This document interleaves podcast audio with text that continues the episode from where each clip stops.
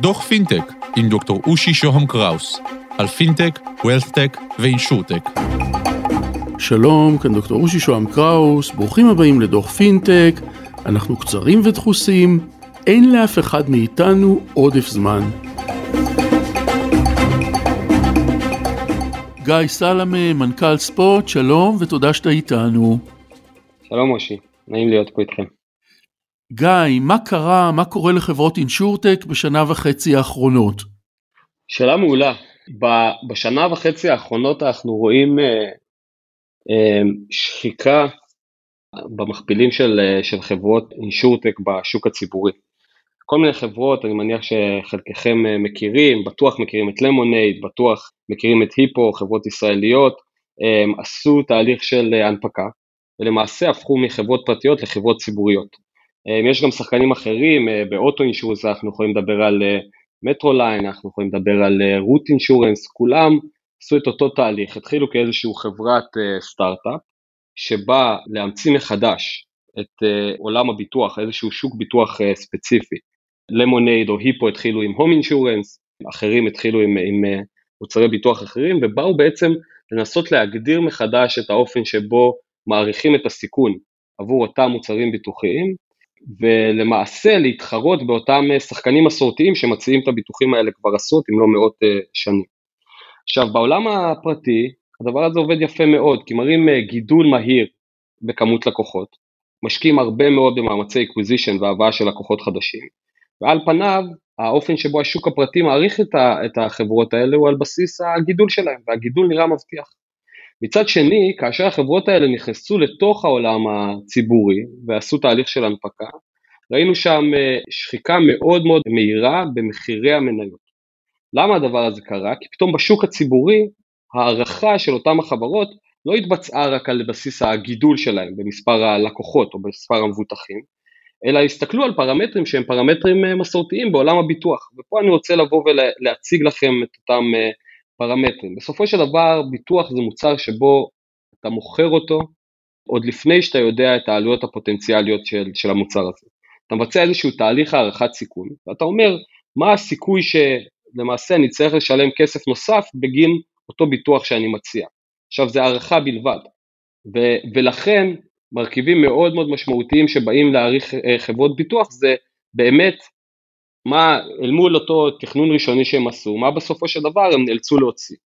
ומסתכלים על מדד שנקרא loss rate, loss rate זה בסוף כמות הכסף שחברת הביטוח הוציאו על, אה, על תביעות, לחלק לכמות הכסף שנכנס לה מה, מהפרמיות שהלקוחות שלה משלמים.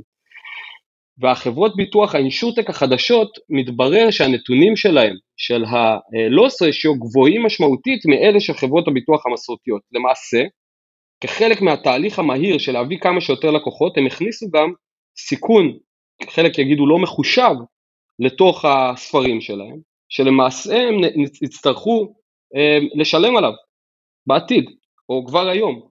וברגע שהלוס רשו הוא גבוה, ובכלל כשמסתכלים על ה-combined ratio, ה-combined ratio זה הלוס רשו, וכולל ה-expense ratio, זה הכסף הנוסף שהם מוציאים על אה, הוצאות uh, תפעוליות, אנחנו מגיעים לאחוזים שהם גבוהים מ-100%, זאת אומרת הם מוציאים יותר כסף ממה שהם מכניסים.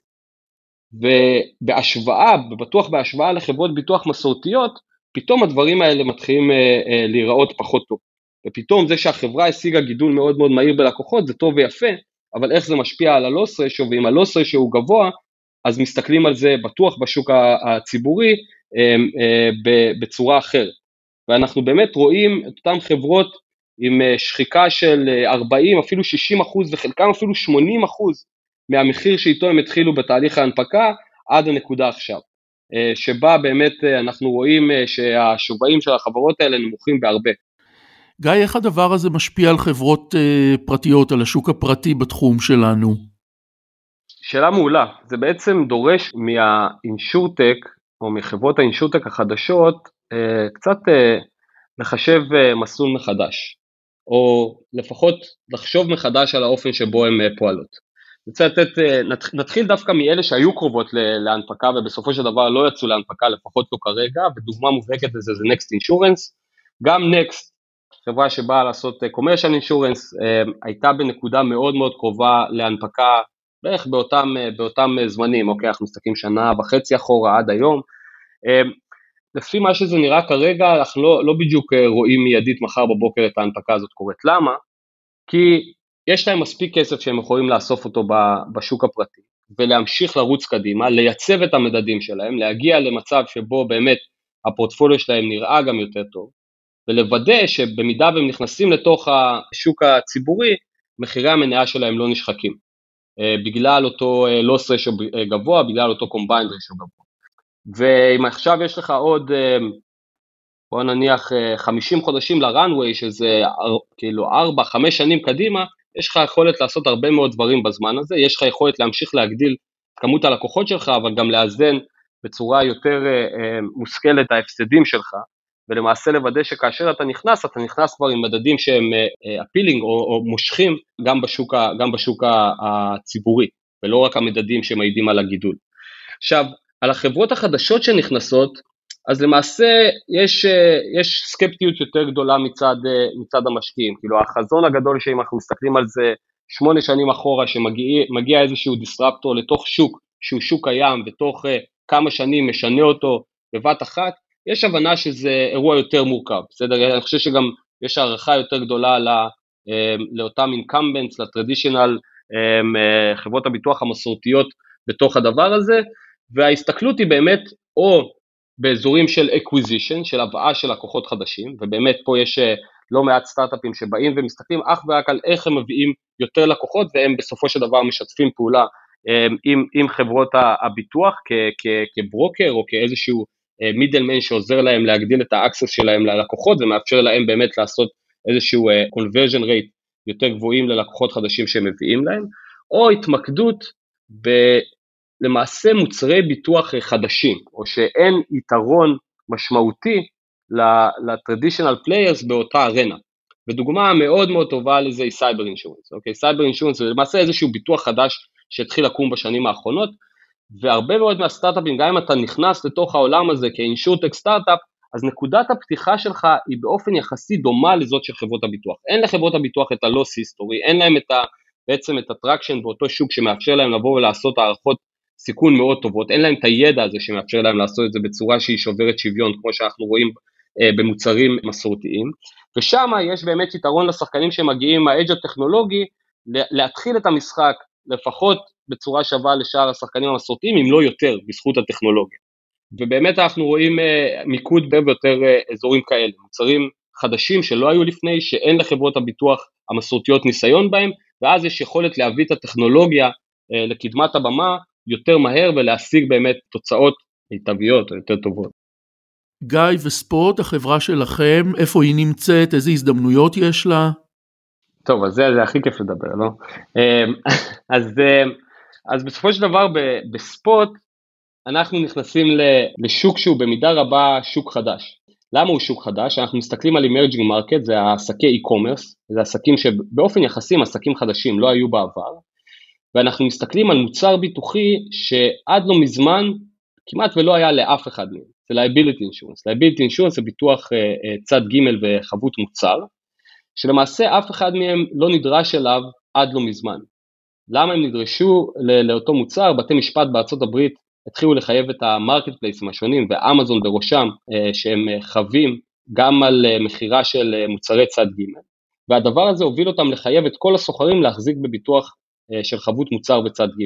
עכשיו זה יצר demand מהיר למוצר שעד אותה נקודה כמעט ולא היה לאף אחד. כי הוא היה nice to have ו-nice to have בנישה הזאת של e-commerce אומר שלאף אחד אין. ברגע שהוא נהפך להיות must have, כולם בבת אחת היו צריכים אותו, ומצד שני חברות הביטוח המסורתיות מתקשות להעריך את הסיכון של אותם עסקים כי הם שונים בתכלית מעסקי brick and mortar, העסקים של העולם הישן. הם חיים בסביבה שמשתנה כל הזמן, התחרות שם היא אחרת לגמרי, העסק עצמו ומאפיינים שלו שונים בתכלית מאלה של העסקים המסורתיים. והיכולת של חברות ביטוח הגדולות, על אף ההבנה הגדולה של ה opportunity פה, ואנחנו מדברים על הזדמנות של, שהיא של כמה מיליארדי דולרים בשנה, להיכנס לתוך השוק הזה, הן מוגבלות ביכולת שלהם לעשות את זה. ופה אנחנו באים לגשר על הפער הזה.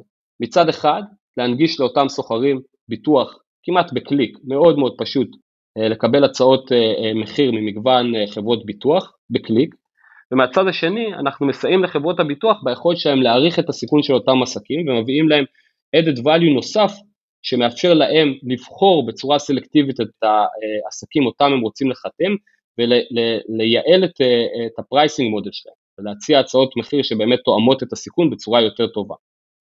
ולמעשה אנחנו גם בהשוואה ל InsurTech startups אחרים אז אנחנו או אלה שהזכרתי מקודם אנחנו בעצם נכנסים פה סביב איזשהו מוצר מוצר חדש שעד אותה נקודה כמעט ולא היה קיים בשוק שאין לחברות הביטוח ערך מוסף גדול על אה, כל אחד שמתחיל בו מחר בבוקר, ואנחנו מכניסים את הטכנולוגיה כדי באמת לסייע לאותן חברות ביטוח להעריך את הסיכון בצורה יותר טובה, וכמובן לאפשר ללקוחות שלנו חוויית לקוח יותר טובה שהיא באמת מאוד מאוד פשוט לקבל ביטוח, להוציא ביטוח ובסופו של דבר להגן על העסק שלך מפני uh, תביעות אפשריות ולהיות compliant עם ה policies של uh, הפלטפורמות וה marketplace ים השונים בעולמות ה e-commerce.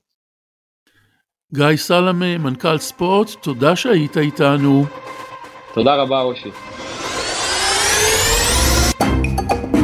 עד כאן על קצה המזלג, ניפגש בדוחות הבאים. תוכלו לכתוב לי ל-050-8898-322 או ללינקדאין שלי, דוקטור רושי שוהם קראוס באנגלית. תודה לקווין מקלוד על המוזיקה, להתראות.